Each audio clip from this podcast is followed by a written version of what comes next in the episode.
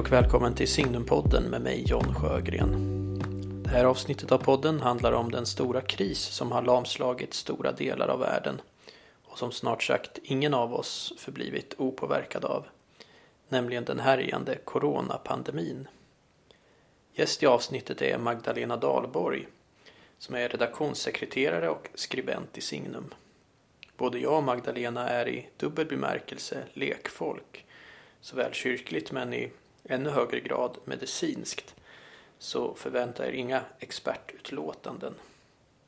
Istället blir det ett personligt samtal om hur man kan hantera oro och ångest i tider av ovisshet, om hopp och förtröstan och hur man kan läsa corona i påskens ljus. Hur mening och liv kan växa fram ur död och meningslöshet. Vi frågar oss också om tider av avskildhet och karantän kan ge tillfälle till andlig fördjupning. Vi samtalar också om hur den svenska konsensuskulturen påverkat hur Sverige och svenskarna handskats med krisen samt hur man kan se ett nytt och sundare förhållande mellan civilsamhälle och stat växa fram. Med detta avsnitt vill vi också passa på att önska alla lyssnare en fin stilla vecka och så småningom en glad påsk.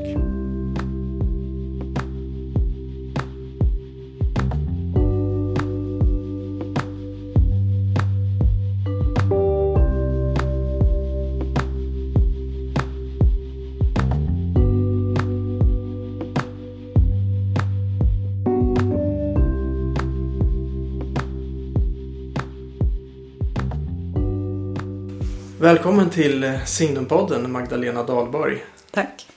Vi sitter här på Newman-institutet, ett eh, nästan spöklikt tomt Newman-institutet vid det här laget. Precis som de flesta andra högskolor, universitet så har ju alla studenter försvunnit härifrån och det sitter bara någon enstaka här om dagarna och jobbar. Det är lite speciellt. Ja, det är lite märkligt sådär. Det är skönt att det är en högstadieskola i bottenplanet. Så det är lite liv och rörelse i huset ändå. Ja, det är skönt. Om ni hör lite stoj och stim här i bakgrunden så är det de eh, skolan som finns här i samma lokaler som livar upp stämningen lite grann här i alla fall.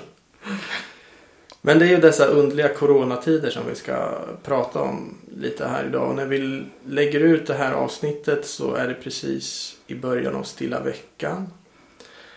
Men sen eh, en tid tillbaka här så är ju alla katolska mässor i Sverige eh, inställda eller inte inställda men de firas utan församling.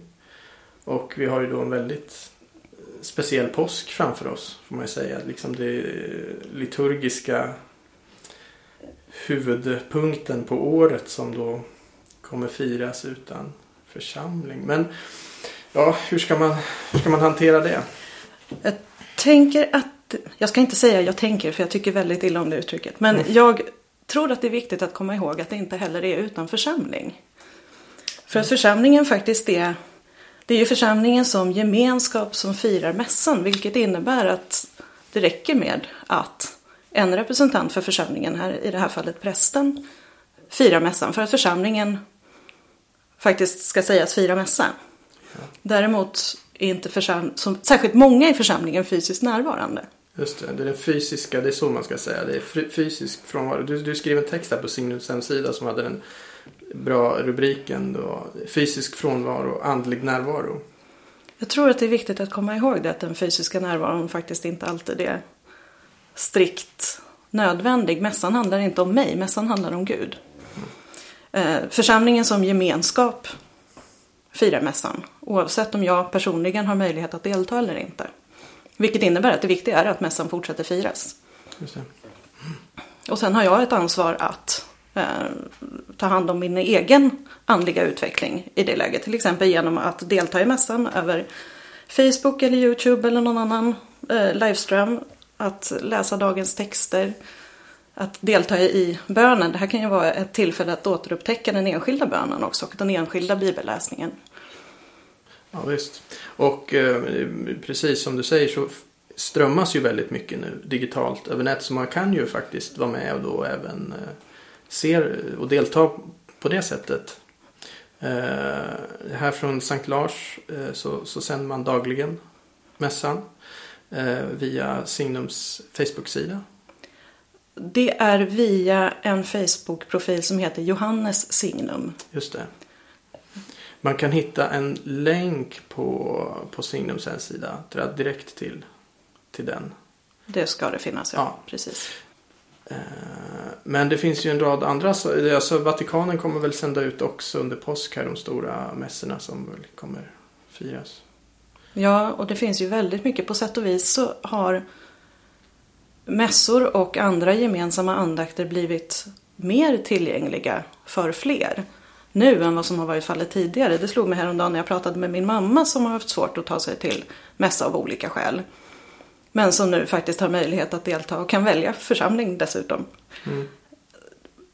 De möjligheterna har inte alls varit lika stora tidigare. Så personer som är sjuka eller bor långt borta från närmaste katolska kyrka har ju helt andra möjligheter än tidigare plötsligt. Det är en sån där sak som jag hoppas att vi kan hålla fast vid när det här har blåst över. För det gör det ju förr eller senare. Mm. Nej, det är ju närmast en ironisk effekt av det här. Jag har inte heller tänkt på det men det är helt riktigt att det tillgängliggörs ju för många fler egentligen. Eh, och det finns ju väldigt många där eh, liksom ute i landet som i vanliga fall har ganska svårt att komma till en katolsk mässa. För oss som bor i lite större städer så är det väldigt lätt såklart men för många är det inte så. Det kan ju också vara en tröskel för den som är lite nyfiken. På en mässa kan det också vara en tröskel att ta sig in i en katolsk kyrka eller i en annan kyrka. Just. Som kanske blir lättare om man har sett det några gånger och varit med via nätet några gånger. Mm.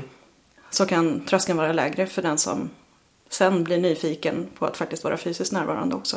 Just det. Och det tror jag är viktigt för, för de som firar mässorna att komma ihåg att det här är ju en möjlighet till evangelisation också. Som inte har funnits förut. Verkligen. Det kanske man kan säga då lite allmänt att eh, kyrkan har varit lite dålig med möjligtvis att utnyttja de digitala kanalerna överlag. Och man kanske blir lite bättre på det nu i och med den här krisen. Det är ju möjligt. Ibland behöver vi en spark i baken och bli tvingade till att upptäcka nya saker. Nu har ju stiftet fått igång en YouTube-kanal också. Ja, jättebra. Som inte har funnits förut. Så. Och vi går ju bräschen här såklart med poddar och allt möjligt. Det är bra. Naturligtvis. Signum är alltid först. Eh, men det har ju pratats mycket om också det här då, apropå det här med eh, fysisk frånvaro och andlig närvaro. Detta med andlig kommunion har ju dykt upp här nu. Som ju är ett gammalt, gammalt fenomen i, i kyrkan. Men jag tror många kanske inte känner till så mycket vad det är. Alltså, eh, och har blivit lite omdiskuterat sådär också. Hur ska man förstå det här? Alltså att man på något sätt ändå kan vara, vara liksom andligen då med eh, förenas på något sätt eh, med Kristus. Eh, fastän man då inte är fysiskt närvarande. Hur ska man förstå det där? Det man uttrycker som jag har förstått det rätt det är att man uttrycker sin längtan efter också den fysiska kommunionen. Mm. Just det. I bön. Ja. Eh, samtidigt som man deltar i mässfirandet fast på distans då. Just det. Mm. Och det är ju så mycket annat. Det är en återupptäckt av någonting som redan finns i kyrkan. Väldigt mycket finns ju på ett eller annat sätt i traditionen. Men ja. kan behöva återupptäckas.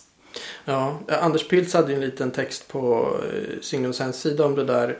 Alltså att menar, om man går tillbaka långt i tiden, medeltiden, så, så kanske det var så att församlingen bara gick i kommunion en gång per år. Och sen var det prästerna som, som gjorde det då varje mässa. Och då var det ju liksom andlig kommunion hela tiden förutom då kanske vid påsk eller när man verkligen fick eh, ta emot Kristus fysiskt. Då. Ja, det är väl egentligen först under 1900-talet som det har blivit ett sånt här enormt uppsving mm. i, vad ska man kalla det, allmän kommunion. Eller vad man ska säga. Mm. Att alla deltar. Men det här blir ju också ett sätt då att se en solidaritet med de som bor. Till exempel så har det varit mycket prat om Amazonas i höstas. Där är det ju det vanliga på en del håll att man kan, har möjlighet att delta i mässa en gång om året. Mm. Nu får vi som kanske är lite mer bortskämda med mässa åtminstone någon gång i månaden. Är det mm. på en del håll i Sverige. Här i Uppsala kan man ju gå i mässan varje dag om man vill. Mm. ett sätt att kanske hitta en solidaritet med de som bor i betydligt mer Visst. glesbefolkade områden och där prästernas närvaro inte alls är lika stark. Mm. Ja, verkligen. Jag tänker på det här också då. Nu pratar vi lite här om liksom det andliga vardagslivet.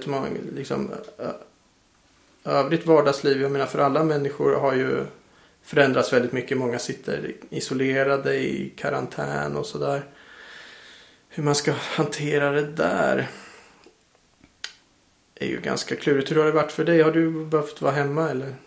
Alltså jag jobbar ju rätt mycket hemifrån i vanliga fall. Mm. Och sen så när vi är i vårt lilla hörn på Signum så sitter vi längst in i lärarkorridoren på Newman-institutet och har en stängd dörr ut till korridoren. Och det är ganska ofta som det ändå bara är en på plats där. Vilket gör att för mig är just arbetslivet det är inte så där vansinnigt stor skillnad utom i lunchrummet Mm. Just det. i praktiken. Nej, det är ju likadant för mig. Eh, Så är det ju. Och eh, många av de här, jag menar högskolor och universitet så här som stängt ner, det är inte så stor skillnad. De flesta där kan ju jobba hemifrån. Eh, Det är svårare för andra. Men jag lyssnade på eh, biskop Anders, vår kardinal, var med i en- podcast som Dagen gjorde. Och då pratade de mycket av det där. Och han, han poängterade mycket där att det här är ju liksom en chans och ett läge på något sätt att eh, ja, men liksom odla eh, sin eh, andlighet, liksom andlig fördjupning och, och, och varva ner och, liksom, och sådär. Eh, och det tänker jag det ligger liksom mycket i att, att det, det kan finnas någonting väldigt positivt i att faktiskt eh, tvingas till den här eh, isoleringen även om det såklart kan vara väldigt jobbigt initialt och så.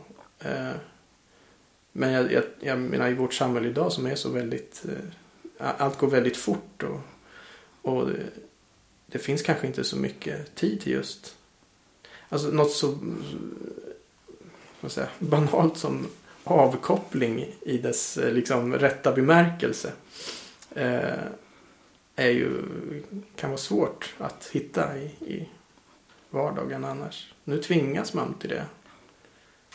Sen är ju frågan hur mycket man kopplar av och kopplar ner när alla istället ska sitta med Zoom-möten och slåss med teknik och så. Men förhoppningsvis så kan man kanske hitta ett lugnare tempo.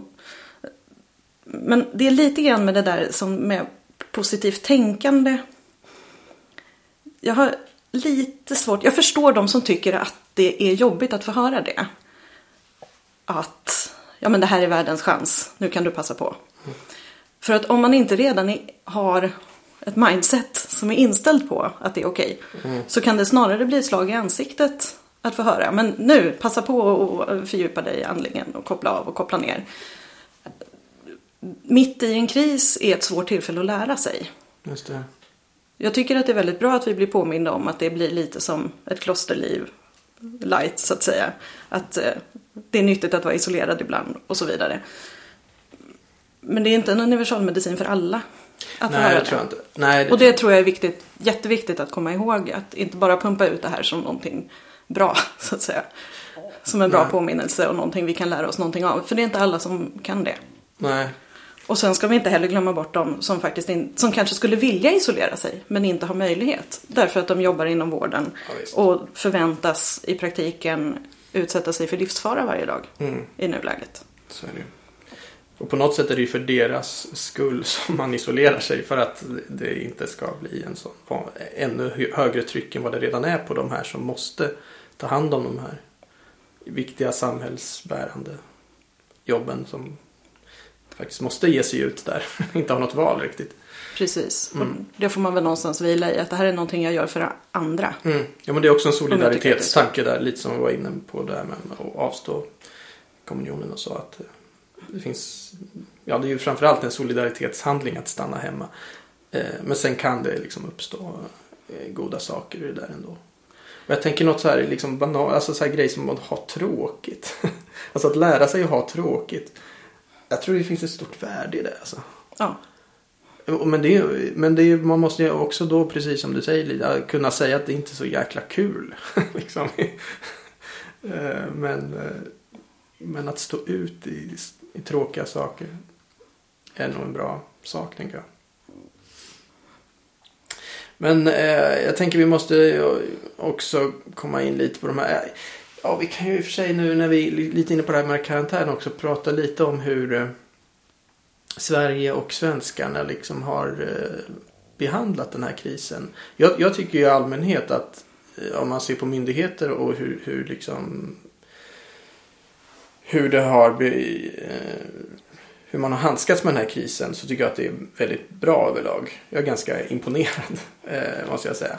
Och Sverige har hittat någon slags ganska bra mellanväg och inte tagit till de här liksom drakoniska åtgärderna som har varit i vissa länder. Och det är möjligt att det har varit nödvändigt i vissa länder så vi har ju inte alls samma situation som i Italien eller, eller så.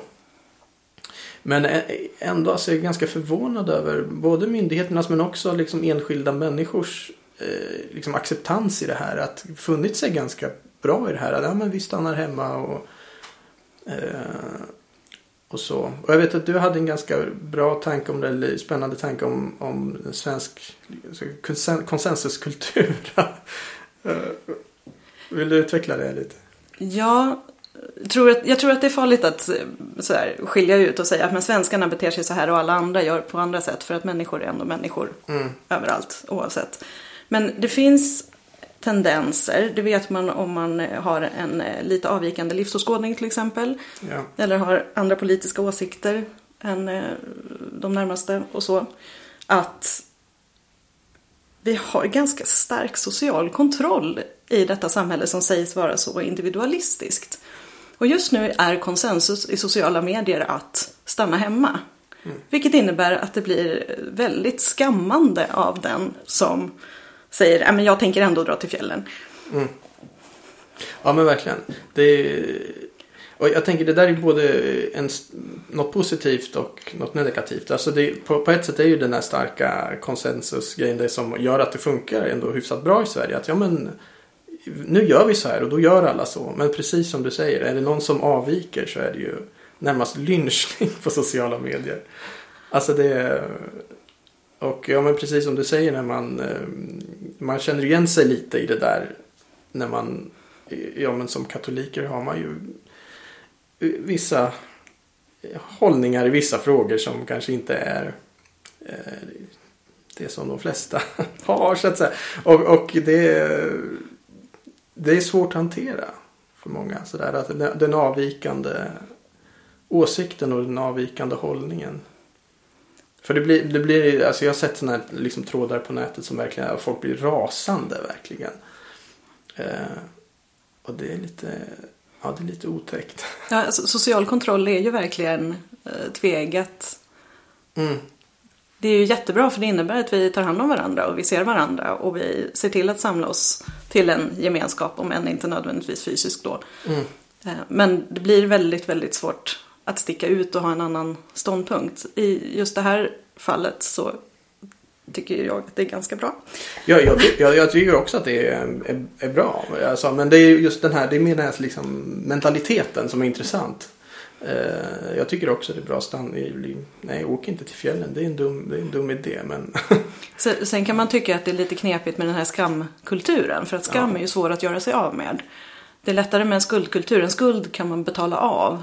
Mm -hmm. Eller göra någonting av. Ja. Så, medan skam finns där alldeles oavsett. Ja. Skam skulle jag säga, det är ju en 100% negativ sak. Medan skuld skulle jag säga är en positiv sak. För skuld, skuld är ju mer en, en eh, objektiv känsla av att du har gjort någonting fel. Men skam är med att du är fel. Eh, och det är en helt annan sak. Precis, och det är det jag kan tycka är lite läskigt då. Som man... Men det kanske är lättare att titta på när vi är igenom det här. Ja. Att se liksom, hur, hur hanterar vi det här och vad händer med, senare med den som gjorde fel nu mm, mm. sitter skammen kvar. Just det. Ja, det blir intressant. Ja, det är mycket som, som kommer vara intressant sen när man kommer ut på andra sidan. Vad, vad blev det av det här? Och, och, jag tänker också på det här, det är ju en del som har lyft den tanken. Kommer vi se en stor ökning av skilsmässor om ett halvår? Eller kommer det komma en stor babyboom här om nio månader? Kommer, liksom, kommer, när folk stängs in kommer de upptäcka att de tycker om varandra. och det kanske blir lite nya barn. Eller det, kommer vi se en massa äktenskap som går sönder och familjer som går sönder? Ja, det troliga är väl båda delarna. Förmodligen. Och vi får höra BRIS får många, många samtal. Fler än vanligt. Jourhavande präst får många fler samtal än vanligt. Mm. Kvinnojourer vittnar om att våldet hemma naturligtvis ökar. Mm. När folk plötsligt ska trängas på små ytor. Nu i Sverige får vi fortfarande gå ut och det är en, ett av de skälen till att jag tycker att det är väldigt bra att vi har den här mer moderata linjen. Att det faktiskt är möjligt att gå hemifrån. Ja. Och inte minst att man har varit försiktig, tänker jag, med att stänga skolor. För så många barn som far illa hemma. Och kanske många som får sitt enda mål mat i skolan. Eh, så att jag, det tycker jag man har gjort bra, alltså att man är försiktig. Eh, och man har ju nämnt den aspekten också. Just att eh, det är många barn som far illa hemma. Så att det är bra att hålla dem i skolorna. Så Precis. länge det är möjligt. Och där sa Anna Ekström i en intervju som jag läste i DN idag att när hon pratar med kollegor i de andra nordiska länderna så, så är det inte så stor skillnad om man tittar på I Finland så har lågstadieskolorna öppnat igen. Mm. I Sverige har vi en frånvaro. På vissa skolor är det mer än hälften som är borta av både lärare och elever. Så folk verkar faktiskt stanna hemma när de har symptom. Mm. Och gå till skolan om de måste, eller behöver, eller vill, eller kan. Ja, så. Vilket gör att skillnaden blir inte så vansinnigt stor. Men eftersom vi inte har tvång så är det ingen som kontrollerar att du faktiskt har rätt att vara där. Utan det överlåts åt dig att avgöra om det är så att du bör vara i skolan eller inte. Eller på jobbet, eller ute i skogen.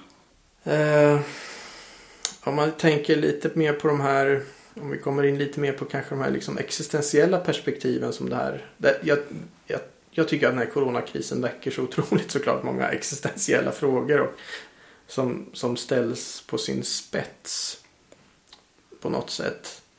Eh, och det är intressant att se då i både sociala medier men också medier och kommentarer så här, alltså hur, hur hanterar vi den här krisen? Alltså den stora frågan här tänker jag, alltså hur, hur hanterar man ovisshet? Och det är ju oerhört svårt. Jag skulle säga det är nästan det, det, är liksom det svåraste som människan har att hantera. Är ju detta att, att tillvaron är oviss.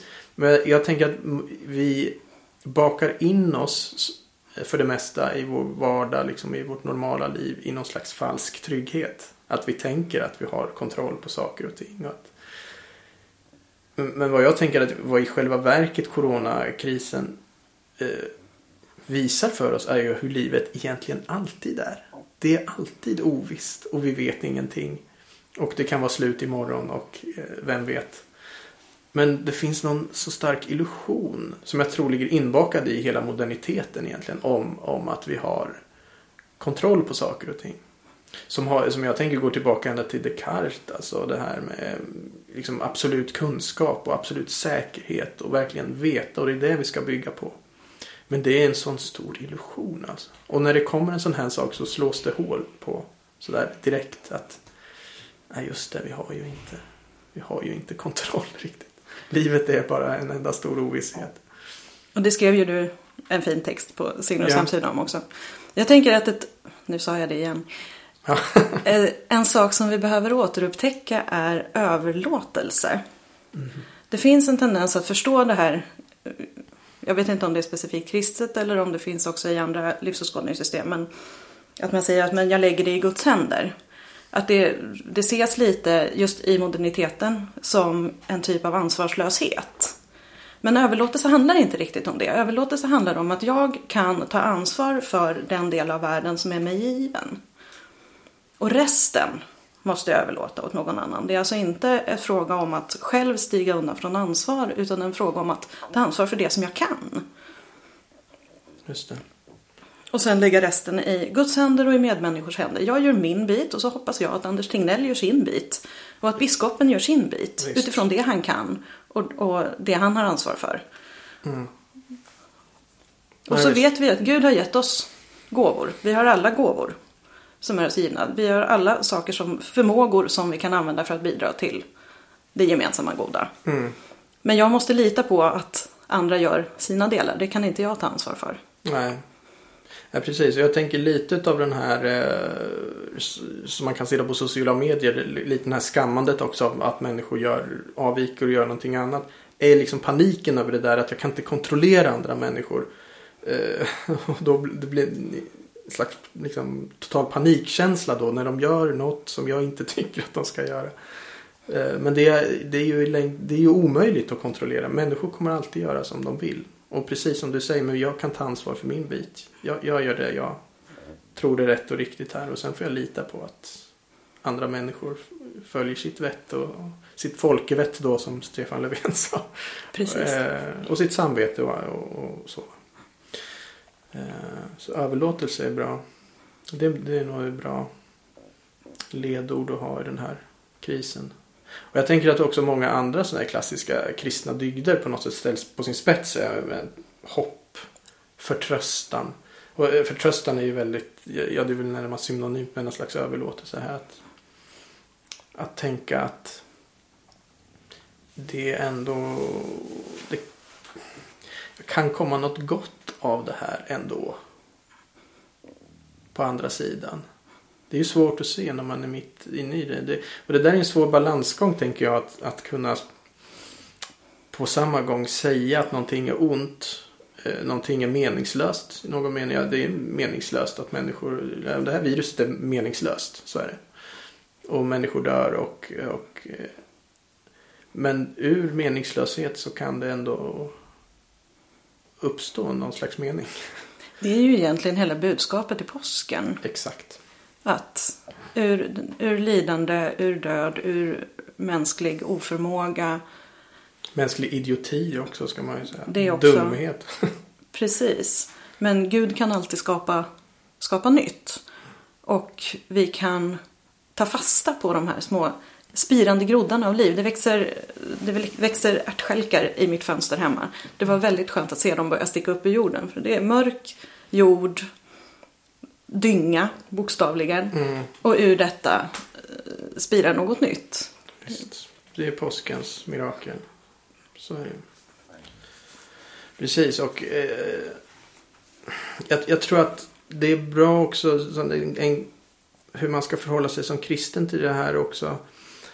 Eh, N.T. Wright skrev en ganska bra sak i, jag tror det var i Time. Eh, om då hur, hur ska kristna liksom svara på coronakrisen. Och han, han sa det, nej du ska absolut inte leta efter någon mening i det här.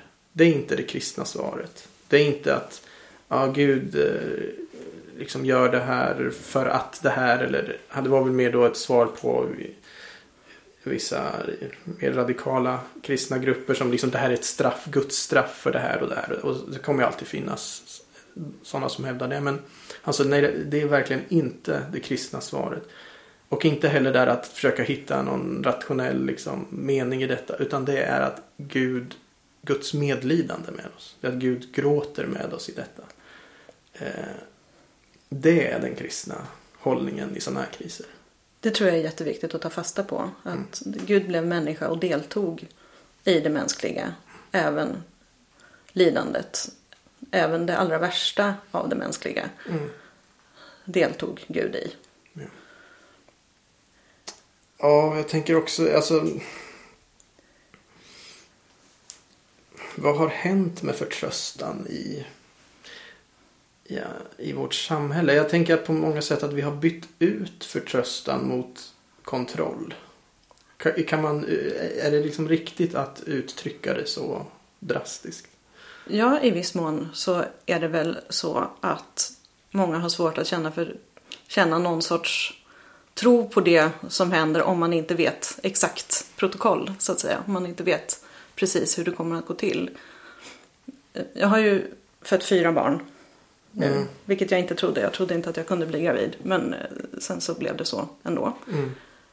Och när jag har pratat med min barnmorska inför det här, man skriver ett förlossningsbrev inför förlossningen där man redogör för hur man vill ha det och så. Och min inställning har hela tiden varit så, men jag litar på att personalen, de har gjort det här många fler gånger än jag. De vet vad de gör och de ger mig vad jag behöver. Men min barnmorska berättade att det finns ju folk som skriver verkligen, alltså vill ha minut för minut hur förlossningen ska gå till. Och det finns inte på kartan.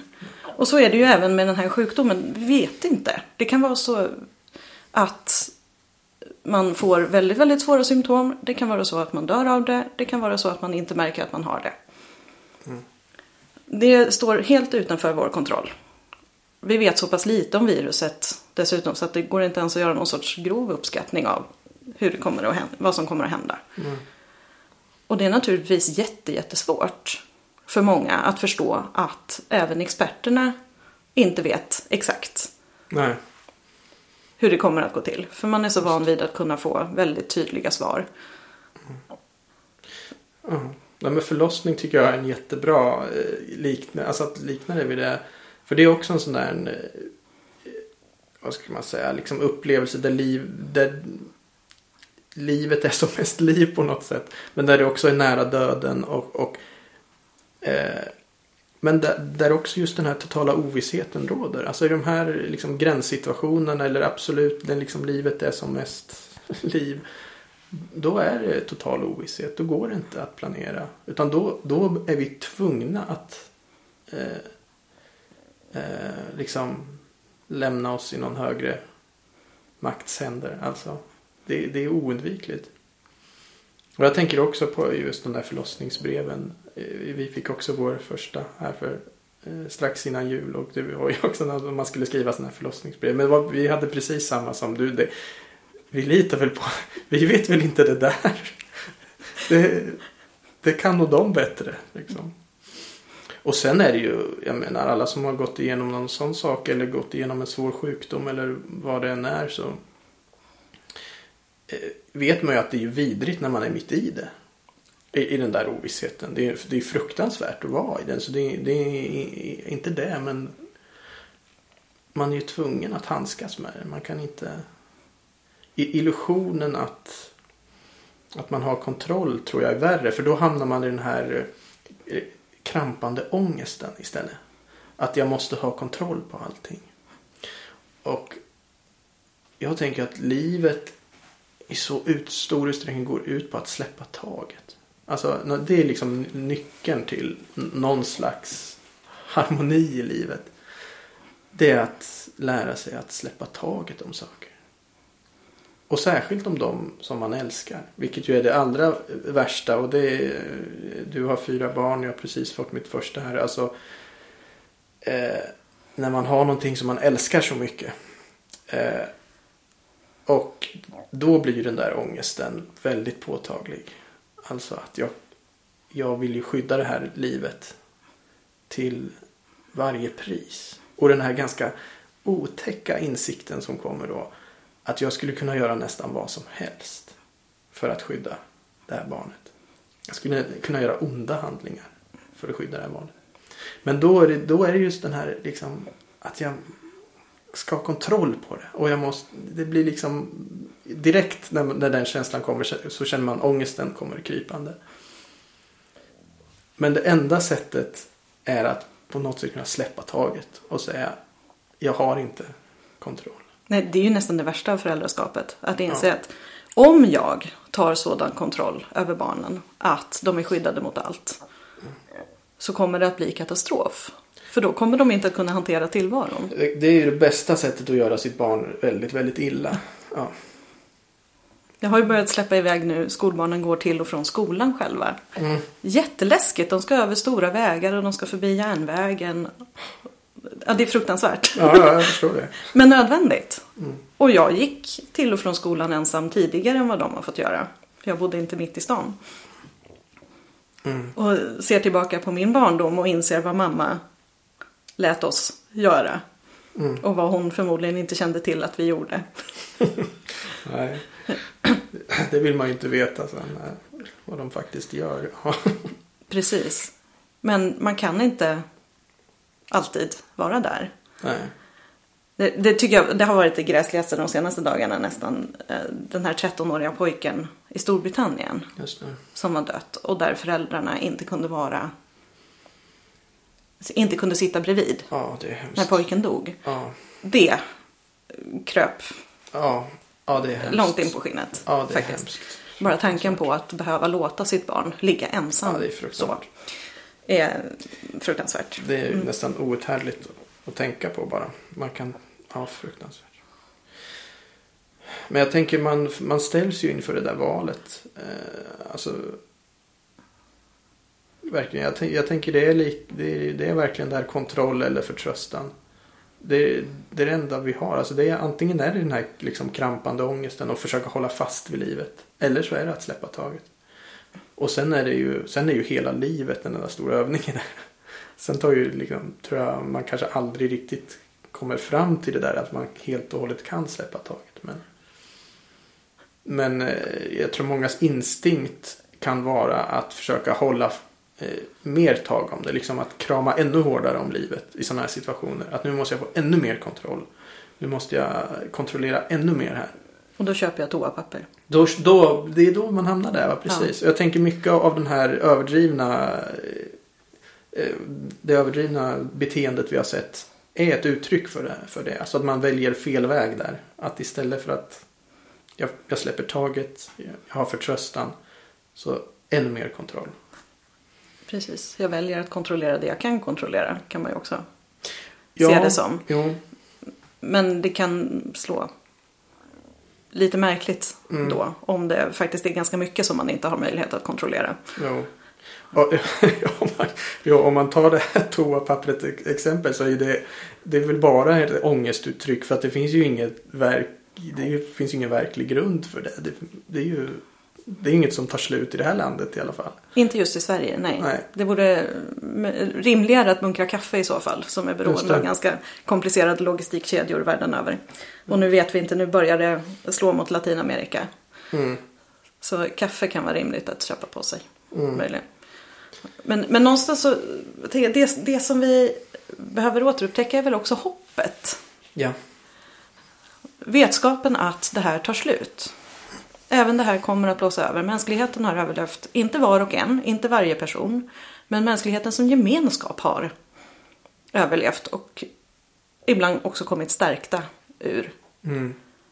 sådant här. Så att vi måste vara medvetna om att det finns ett efter. Och det vi kan göra nu, det vi kan ha kontroll över. Det är ju att fånga upp de här små groddarna som, som kommer upp ur det mörka. Det betyder inte att kris, coronaspridningen i sig är bra. Men att vi kan ta vara på det som växer fram som är bra. Visst. Precis, för det måste man ju också eh, säga. Alltså nu har vi varit lite elaka mot folk här och eh, säger allt, allt det dåliga, som, dåliga sidor som kommer fram. Men det har ju också kommit fram så väldigt många bra sidor. Och då tänker jag det är ju sånt som sådana här krissituationer gör. Det tar fram det sämsta och det bästa i människan. Alltså jag tänker på all, liksom den här vågen utav frivilligarbetare som har, vill ställa upp och, och oerhört fint alltså. Sen, sen tycker jag att det är viktigt att fånga upp att det har, vi har uppenbarligen lärt oss saker också av tidigare kriser. Eh, Jag var lite överraskad först över att oj vad många frivilliga som anmäler sig till saker. Men det borde man inte vara överraskad över för det såg precis likadant ut 2015. Det var också, man, folk gick man ur huset, skakade fram filtar, skakade fram sovplatser, svor åt myndigheter som hade stelbenta regler. Insåg varför myndigheterna hade stelbenta regler och såg till att anpassa sig till den situationen. Såg till att lösa problem. Eh, En av de saker som verkligen växte fram under och efter 2015 det var ett starkare samarbete mellan stat, alltså staten fick syn på civilsamhället. Ja. På ett sätt som man inte riktigt hade gjort innan uppfattar jag. Och också trossamfunden blev en sån samarbetspart på ett sätt som man inte riktigt varit tidigare. Det finns en beröringsskräck från det offentliga gentemot religiösa rörelser. Man, man vill inte riktigt blanda in religion i politiken och så. Men en sak som man upptäckte 2015 var vad religionerna kan bidra med. Just. Eh, Att de religiösa samfunden har kontakt med människor som det offentliga Sverige inte, har, inte når. Till exempel. Och har lokaler, har volontärer, har strukturer upparbetade för att snabbt dra ihop folk som vill hjälpa till. Vilket innebär att det nu finns sådana samarbeten och samarbetskanaler på plats redan. Så uppenbarligen så lär vi oss också av Ja, kriser. ja. För det här har vuxit fram sedan 2015 och fanns därför mycket mer på plats nu än vad det hade gjort om 2015 inte hade sett ut som det gjorde. Absolut. Nej, jag, tänkte också, jag, kom, jag tänkte också på 2015 lite när krisen kom. För jag kommer ihåg innan 2015. Alltså då, man pratade ju ofta, eller jag klagade ofta över att svenskar var sådär. Att man litade så mycket på staten. Och civil, liksom, det är en klassisk bild liksom, av Sverige. Stark stat, svagare civilsamhälle och så. Eh, klassiska liksom, statsindividualismen och sådär. Och att det ofta var så att när det blev något, jag kommer ihåg när de första eh, tiggarna och så kom till Sverige. Och, och det man hörde tyckte jag var att alla sa så här, men varför gör de ingenting? Varför gör inte någon någonting? Och jag tänkte det där var så typiskt svensk mentalitet. Att varför gör inte någon? Då är det liksom staten eller liksom, någon borde ta hand om det här. Men så kom då liksom 2015 och stora flyktingkrisen och så. Och folk gjorde ju verkligen någonting själva.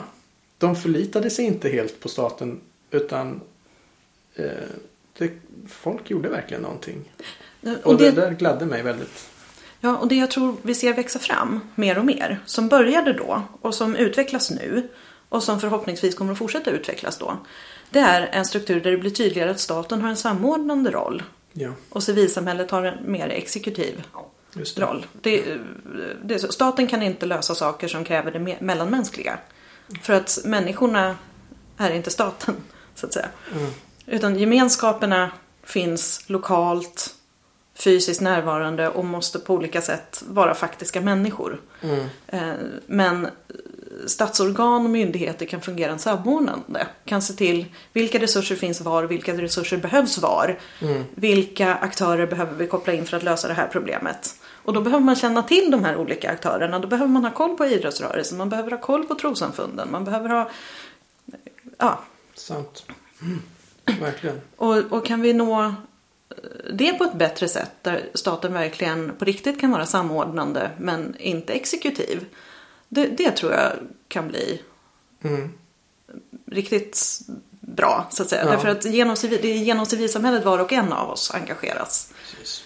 Eh, men en oroväckande sak är ju att färre och färre blir medlemmar i organisationer och föreningar. Civilsamhället är inte strukturerat på samma sätt som det kanske var på 80-talet.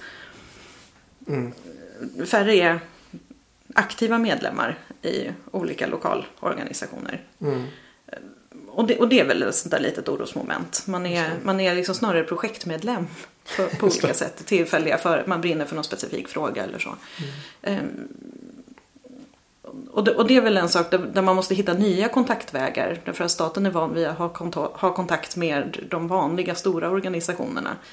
Eh, som idag i högre grad har passiva medlemmar. Mm.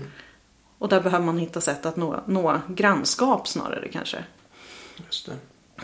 Jag tänker det, det blir det är nästan en möjlighet att, eh, att två, alltså, två av de här liksom, grundprinciperna i katolska socialläran stärks på något sätt. Både solidariteten då som vi redan varit inne på. Alltså stor förenande effekt, alla förenat. Men sen precis där du är inne på subsidiariteten då, liksom mer på det lokala. Att båda de stärks. Eh, och om det blir frukten av detta så är det fantastiskt. Men precis som du säger, jag tror att vi är redan på väg mot det. Och eh, det tycker jag är väldigt bra. Eh, ja, ska vi avslutningsvis Ja, vi har varit inne på det redan här men alltså vad, vad kan bli det goda utav detta om man säger när vi kommer ut på andra sidan. Jag, jag tror ju mycket på den här liksom förenande effekten. Och också de här som du säger, de här konkreta strukturerna som kan stärkas. Men jag tror en, en stark eh, liksom förenande liksom solidaritet eh, kan vara en sån sak. Ja, och upptäckten just av överlåtelsen och att vi inte alltid har total mm. kontroll. Visst. Att vi är beroende är väl någonting som kan låtas spira ur detta. Vi hoppas det. Hoppas på mindre, mindre panik och eh, mer förtröstan. Tack Magdalena Dagborg för att du gästade Signumpodden. Tack för att jag fick komma hit. Det var roligt. Och tack alla ni som har lyssnat och eh, lyssna gärna på oss igen i nästa avsnitt. Hej så länge.